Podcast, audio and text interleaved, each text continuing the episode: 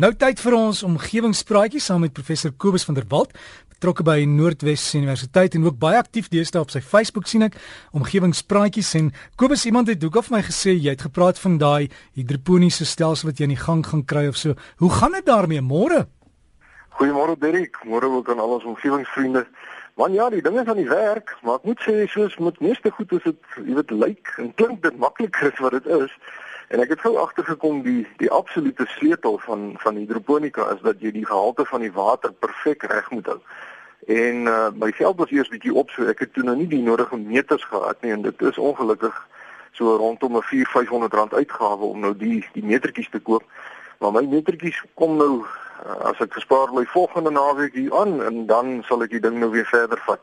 Ek kan sê so met my skat wat ek heeltyd nog maar chemikalieë byvoeg in die pH van die water reg probeer hou is uh, eh, 11 van die 13 plantjies waarmee ek begin het is daarom nog aan die lewe en ons het daarom al lekker klein tomatietjies uit hierdie tuintjie uitgeëet. So dis dan nie heeltemal 'n mislukking nie, maar uh die mense moet my wel weer later vra en veral dan nou in die lente wanneer die goed nou weer begin groei.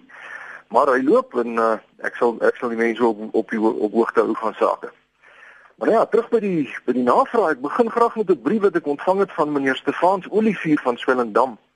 Wat sê hy hoop dit gaan goed hier in die buiteland.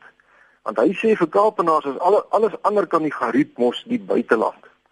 Ja meneer Olivier, ek moet sê dat u eintlik meer goedgesind is teenoor die res van die land as die meeste Wes-Kaapenaars wat ek ken. Want vir baie van julle stop die land ons eintlik by die Kaapse plooiwerke sodat Woester eintlik 'n grensdorp is. Nou ja, net soos julle ons terg wat hier in die noorde woon, wat nog glad nie so mooi is soos daar aan die suide nie. Het iemand eendag gesê Kaapenaars is die afstammelinge van die klomp wat destyds medies ongeskik was vir die groot trek. Maar nou ja, dis natuurlik sommer alles tongenetjies en grappies maak en lekker getergery. Nee, dit gaan goed hier in die noordelike buiteland, baie dankie. Maar as ek eerlik moet wees, dan sal ek sê dat ek ook eerder ver oggend graag in die mooi Kaap sou wakker word as hier in die Vaal herfstransvaal. Maar nou ja, ons moet ook maar hier lewe. Maar goed, terug by die vraag. Meneer Olivier skryf dat hy opgemerk het dat die afstand van die ewenaar na die noordpool toe sowat 300 km korter is as wat dit van die ewenaar af na die suidpool toe is. En toe gaan kyk wat die omtrek van die aarde is as hy nou 'n lyn om die aarde oor die twee pole trek. En dit word aangegee as 40008 km. Maar hierdie syfer verskil van die omtrek van die aarde by die ewenaar wat 40075 km is. Hy sê verder as mens die afstande van die aarde se pool omtrek vergelyk met die ewenaar omtrek, dan is daar 'n verskil van 11000 km tussen die twee syfers. En nou vra hy waarom dit nou so is. Nou baie dankie meneer Stefans Olivier vir die interessante vraag. Maar ek wonder of u nie dalk 'n lees of 'n tikfout gemaak het nie, want die sommetjie werk nie uit soos u hom gegee het nie. U het gesê dis 40008 en 40075 km is die twee omtrekke. Uh en die verskil tussen die twee goeders is nie 11000 km nie en geen bron wat ek in die hande kon kry gee dit ook so aan nie. Uh, maar dit bly 'n interessante onderwerp. So kom ons kyk daarna. Die eerste ding wat mense moet besef is dat die aarde nie 'n perfekte ronde bal is nie. So kom ons begin by die afstand van die ewenaar na die noordpool. En die interessante daarvan is dat die wetenskaplike gemeenskap in 1793 reeds besluit het dat 'n meter gedefinieer moet word as 1 10 miljoenste van die afstand tussen die ewenaar en die noordpool. Met ander woorde, die afstand tussen die ewenaar en die noordpool is presies 10000 km. So as u nou al ooit gewonder het wie besluit het hoe lank 'n meter moet wees, daar's die antwoord. Dis 1 10 miljoenste van die afstand tussen die ewenaar en die noordpool. Maar nou ja, hierdie afstand was bepaal op 'n wiskundige model van die aarde, want die aarde self het natuurlik berge en valleie, so as jy nou 'n maatband vat en jy meet nou tussen die ewenaar en die en die en die noordpool, dan gaan die syfer natuurlik wissel na gelang van die plek waar jy meet. Maar hierdie definisie van 'n meter was egter vir baie lank die aanvaarde een. En in 1889 het die internasionale buro vir gewig en meting ook 'n standaard meterstaaf gemaak uit 'n alloy van 90% platinum en 10% iridium. En hierdie staaf was presies 1 meter lank by 0 grade Celsius en hy's in Frankryk gebeere sodat mense nou hulle meetinstrumente daar kon gaan kalibreer. Maar hierdie wyse van meting, het ek nou gesê, is nie vreeslik akkuraat nie en, en die wetenskap en die tegnologie het gevorder en naderhand het dit moontlik geword om die lengte van 'n meter al hoe meer akkuraat te definieer. En in 1960 is die meter geherdefinieer as 'n sekere aantal golflengtes van 'n sekere lyn op die spektrum van krypton 86. En in 1983 het hulle 'n meter nog fyner gedefinieer En nou sê hulle dis die afstand wat lig in 'n vakuum sal trek gedurende nagenoeg 1/300 miljoenste van 'n sekonde. Ons het nou instrumente wat so fyn kan meet en dit is dan nou steeds vandag die aanvaarde definisie van 'n meter. Nou goed, nou dat ons weet hoe lank 1 meter is en waar dit vandaan kom, kom ons kyk weer na meneer Olivier se vraag. En die sleutel tot die antwoord van die aarde se vorm lê daarin dat die aarde nie 'n perfek ronde bal is nie, maar dat hy 'n geoïd is. En die woord geoïd beteken letterlik aardvormig. Nou hoe lyk 'n geoïd? En dit is gewoon die aarde dui so bietjie uit om sy middel en soos die meeste mense in hulle middeljare het sy onderstel ook al so bietjie uitgesak. En ons sien hierdie eienaardighede as ons na die omtrek soos gemeet by die ewenaar kyk en ons ver vergelyk dit dan met die omtrek oor die pole. Nou, as ons nou twee gate het waar die aarde kon boor, die een van die noordpool tot by die suidpool en die ander een van 'n plek op die ewenaar tot by 'n plek op die ewenaar aan die ander kant van die aarde, Met ander woorde een regop en een dwars, een uh, die wyte van die aarde, dan sien ons dat die aarde omtrent 43 km wyer is om die ewenaar as wat hy hoog is.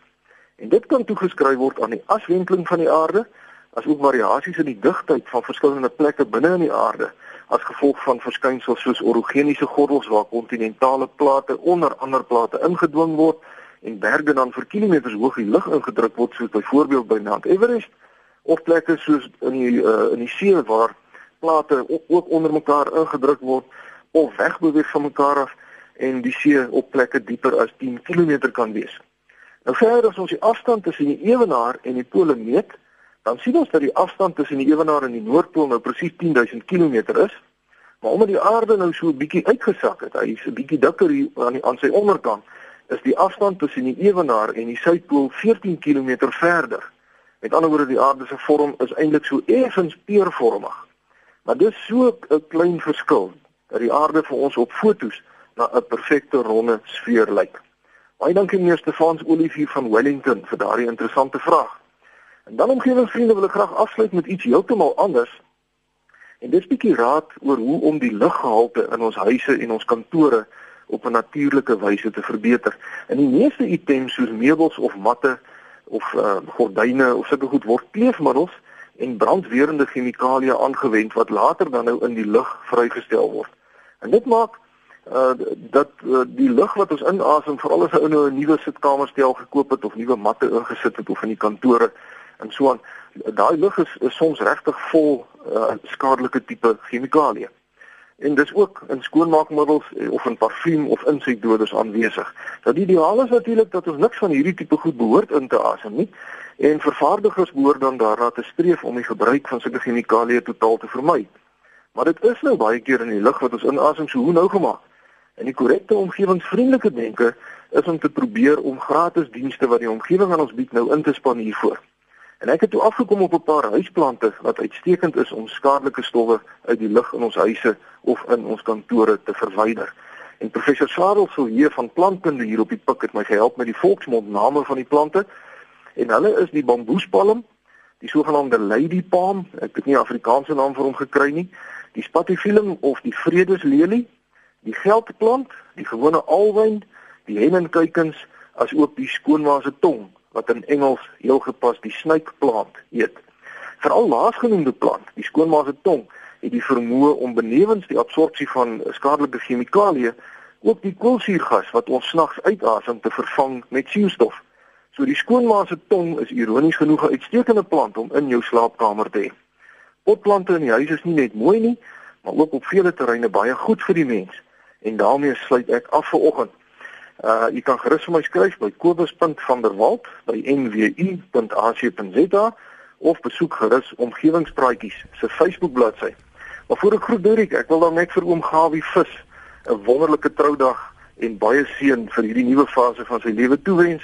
Ons is saam met oom dankbaar en bly en geniet hierdie dag voluit. En daarmee sê ek vriendelike groete tot 'n volgende keer. Ja, baie dankie. Daar vir jou Kobus en alles van wees lekker naweek, né? Dankie Dirk, dieselfde vir jou en al ons omgewingsvriende.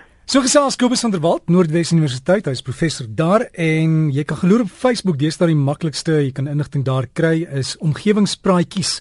Sluit dan by die groep en kry al die inligting is omgewingspraatjies en dan kan ons die wêreld groener hou.